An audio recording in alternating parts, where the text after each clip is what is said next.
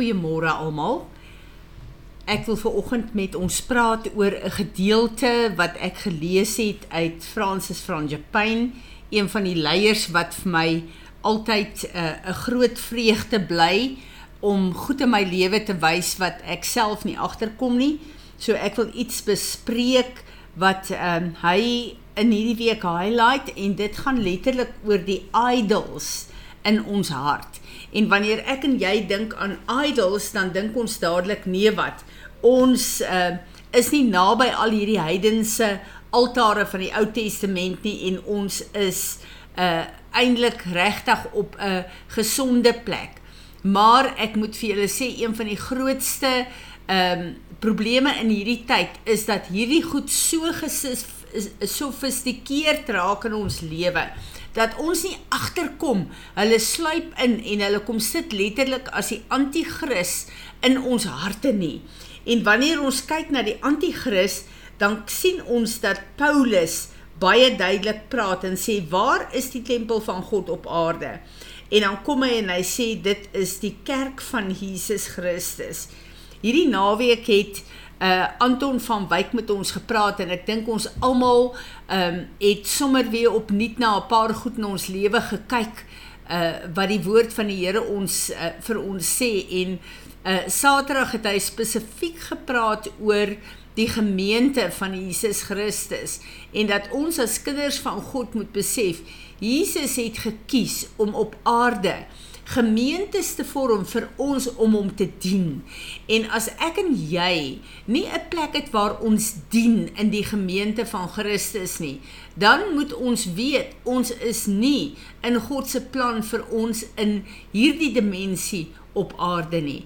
En die servanthood in die tempel van God en in die kerk van Jesus Christus het my opnuut weer laat besef dat ons so maklik op 'n plek kom van trots en arrogansie en rebellie dat ons in hierdie tye kies wat ek en jy wil luister op die internet. Sorg dat ons die areas wat vir ons lekker is opbou. Maar die areas waar ek en jy gekonfronteer moet word deur die woord van God, skuif ons net 'n bietjie weg, want ons het op hierdie plek 'n plek ingeneem in die tempel van God in ons harte waar ons self besluit wat is die woord wat ons wil hê, wat is die lering wat ons wil hê en ons onderwerp ons nie aan God se plek en posisie waar sy woord ons kan was en kan konfronteer en waar sy woord ons kan leer en kan vorm nie. En ek besef hierdie is een van die afgode van ons tyd. En wanneer ons kyk na die woord wat die Here vir ons gee in ehm uh, uh, Exodus 34 en ek lees vir ons vanaf vers um, uh, 12 Hy kom en hy sê watch yourself so that you do not make a covenant a solemn agreement a treaty with the inhabitants of the land into which you are going, or it will become a dangerous trap among you.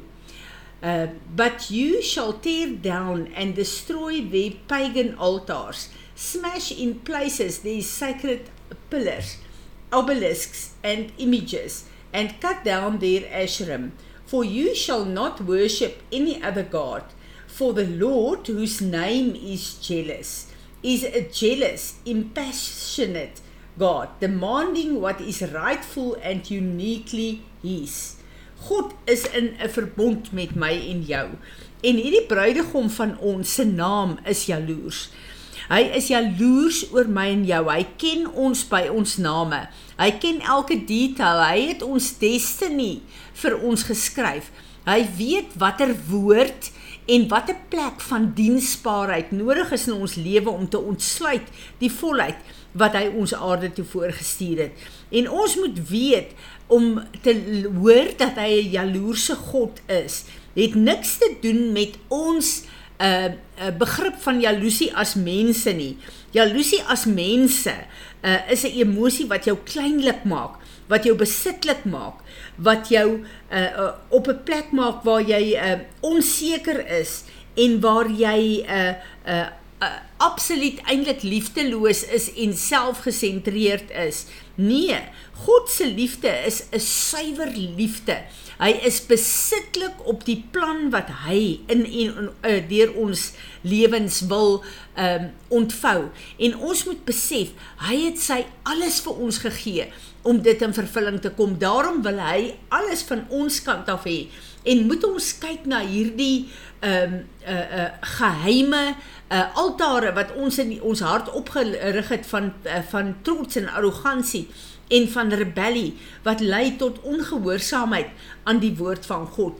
En hierdie is die plekke wat my en jou op 'n plek bring waar ons uh passief raak, waar ons uh losgemaak van God se woord raak, waar ons letterlik vir ons 'n godsdiens en 'n woord en 'n lering saamstem, 'n uh, saamstel wat vir ons uh, goed is en maklik is en wat ons ore streel.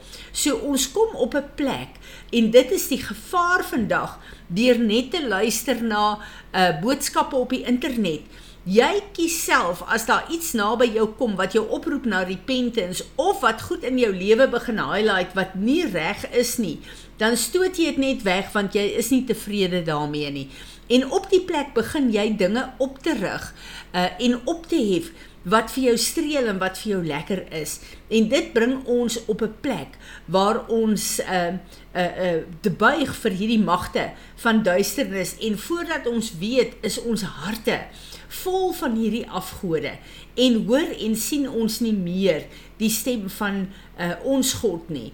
En die feit dat Jesus jaloers is op ons as individue. Hy gee om oor alles wat in ons lewe is Elke aspek van ons lewens is vir hom belangrik. En hy het op die kruis het hy homself verneder en uh, laat doodmaak om 'n prys te betaal vir ons sonde, om vir ons te wys hoe lief hy ons het. Hy het sy alles vir ons gegee en daarom is hy jaloers om te weet dat hy is besitlik oor wat hy ons geskape het om te wees hier op aarde. Sy jaloesie van vir ons is gebaseer op sy suiwer liefde vir ons en sy begeerte dat ons lewens geseënd sal wees en dat ons lewens sal ontsluit waarvoor hy ons aarde toe gestuur het. Dit is 'n plek waar hy sy liefde vir ons bewys het.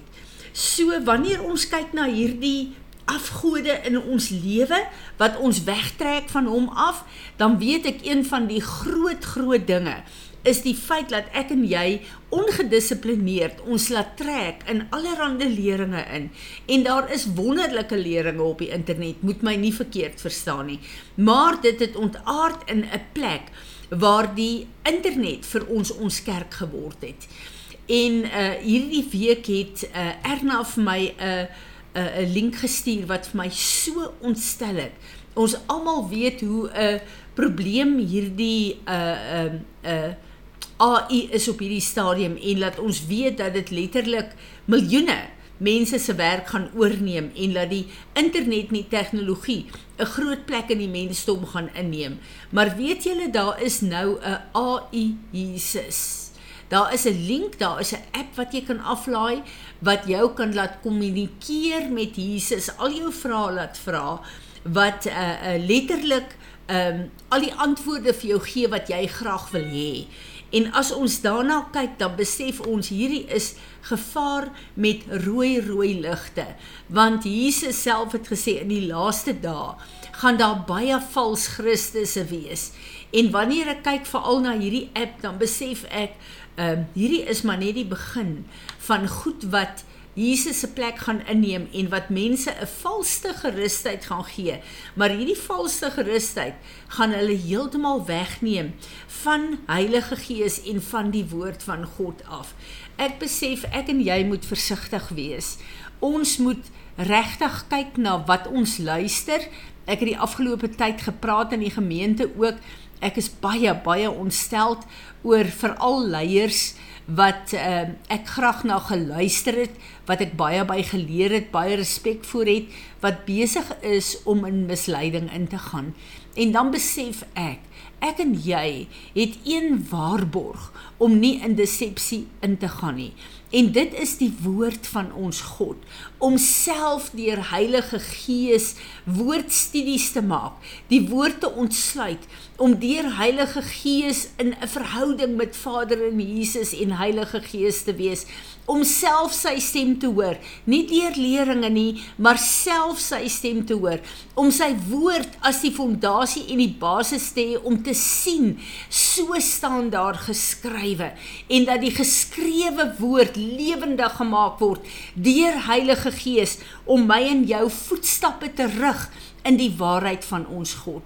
Ek wil vir julle sê, ons het nodig om tot besinning te kom. Ons het nodig om te besef daar is niks niks niks op aarde wat ons persoonlike verhouding met God kan inneem nie. Niks nie. Al die wonderlike lering, al die wonderlike studiemateriaal, al die wonderlike tegnologie wat ons het, is wonderlik as dit deel kan wees van 'n sleutel om ons te help om uh, die woord van God beter en beter te verstaan. Maar die woord van God kan nie vervang word deur enige tegnologie en enige lering nie. Mag die Here ons help. Vader, Here Jesus en Heilige Gees van God, ons buig in aanbidding voor U in hierdie dag. Ons wil sê Here, daar is niemand wat met U vergelyk kan word nie. En ons wil kom vra Here, help ons. Ons het U nodig. Help ons om te onderskei waar is die plek wat ons grense wil insoor uh, steek Here om tegnologie en lering van ander mense die plek te laat inneem van ons verhouding met U self persoonlik. Help ons, wees ons genadig, Here. En ek bid Gees van God dat U sal kom en sal ontsluit die volheid van ons Vader vir ons elke een in hierdie seisoen.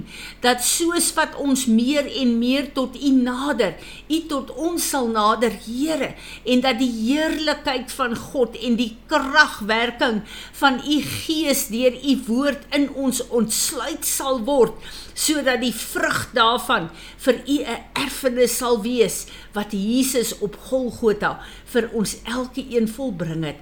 Wees ons genadig, wees ons genadig. Amen. Amen. Wees ons genadig. Amen.